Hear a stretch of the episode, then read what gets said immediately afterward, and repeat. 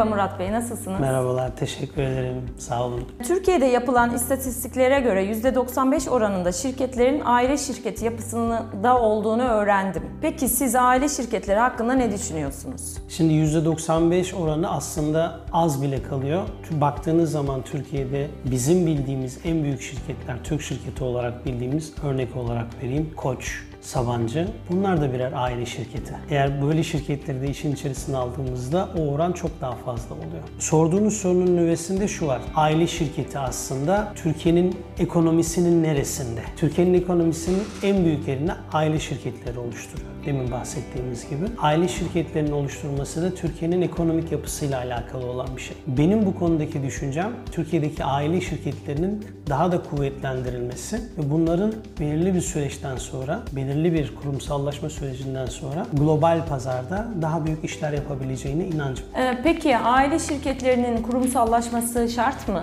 Şimdi aile şirketlerinin kurumsallaşması benim çok defa duyduğum bir soru. Aile şirketleri ya da aile şirketleri olmayan şirketler ile kurumsallaşmış ya da kurumsallaşmış olmamış şirketler arasında birebir bir bağlantı yok. Yani kurumsallaşmış bir aile şirketi de olabilir, kurumsallaşmamış bir aile şirketi de olabilir. Bildiğimiz büyük şirketler zaten kurumsallaşma yolunda önemli adımlar atmış ve kurumsallaşmış aile şirketleri var.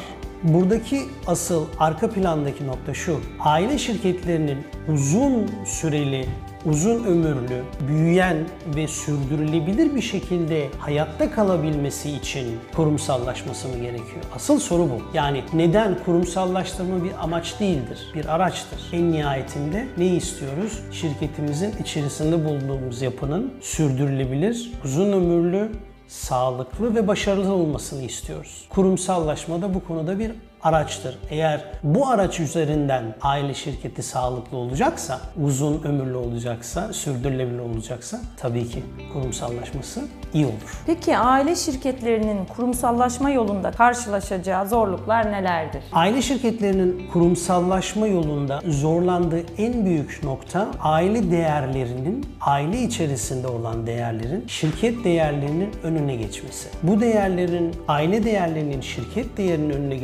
geçmesinden ötürü farklı sorunlar, farklı sürtüşmeler aile içerisinde olup yeri geldiğinde kurumu felç edebilecek bir duruma kadar getirebiliyor. Hatta bırakın operasyonel bir şekilde paralize olmalarını, felç olmasını bir kurumun bu işin hukuki tarafında da daha da büyük boyutlara gidip taşınıp şirketin parçalanması, bölünmesi ve bir şekilde de sona ermesine de neden olabiliyor. Baktığınız zaman kurumsal hafızanın, kurumsal kimliğin ve örnek veriyorum yapılan bir marka uzun süreler içerisinde yatırım yapılmış bir marka çalışmasını, bir marka oluşan bir markanın düşünsenize böyle bir sorundan dolayı iki günde şirketi yok ettiğini.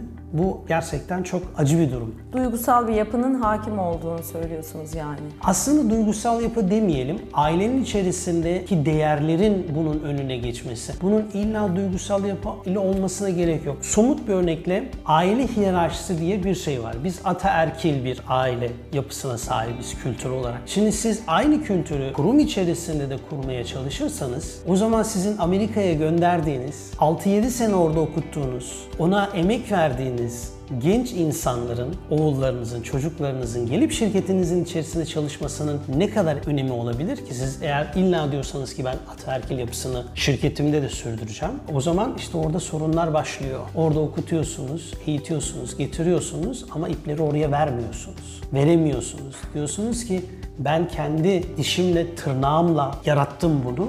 Benim devam etmem gerekli diyorsunuz. Mesela bu sadece çok spesifik bir örneği ya da büyük bir ailenin farklı kardeşler arasında olan sorunları. Bunların getirdiği dezavantajlar. Bunlar illa duygusal olmak zorunda değil ama en nihayetinde hepimiz insanız, hepimiz bir yerde duygusallığa sahibiz. Peki ne gibi tavsiyeleriniz olur? Şimdi aslında dört tane çok kritik nokta var. Bir, aile şirketinin kurumsallaşması uzun süreli, sürdürülebilir, başarılı olması için. Demin bahsettiğim konudan başlayayım. Aile ile işletmenin arasındaki sınırın doğru çizilmesi lazım. Ve bu sınırların son derece somut şekilde çizilmesi lazım. Aile üyelerinin kurum içerisindeki müdahalelerinin belirli bir şekilde sınırlandırılması ve tanımlanması lazım. tanım olarak bunlar bunlar yapılmalıdır, bu, bu yapılabilir, bunu bunu yapabilir, bunu bunu yapamaz şeklinde doğru rol tanımlarının yapılması lazım. Bunun için hangi aracı kullanıyoruz?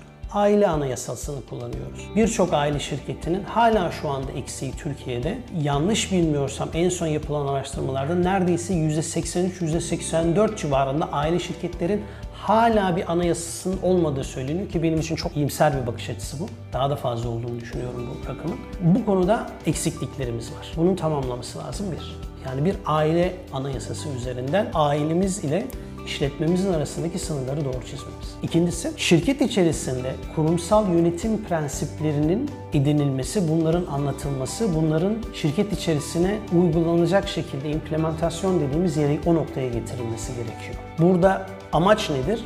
Şeffaflık, hesap verilebilirlik, sorumluluk bu konuların açık ve net bir şekilde e, ortaya konması ve belirli mekanizmaların, kurumsal mekanizmaların burada uygulanması gerekiyor. Üçüncü olarak baktığımızda da bir profesyonel yönetim yapısının oluşturulması gerekiyor. Aile şirketi demek, aile şirketini kuran kişinin otomatik olarak en iyi yönetici olma gibi bir kimliği yok. Girişimcilik ayrıdır, yöneticilik ayrıdır. En iyi girişimci, en iyi yönetici olmayabilir.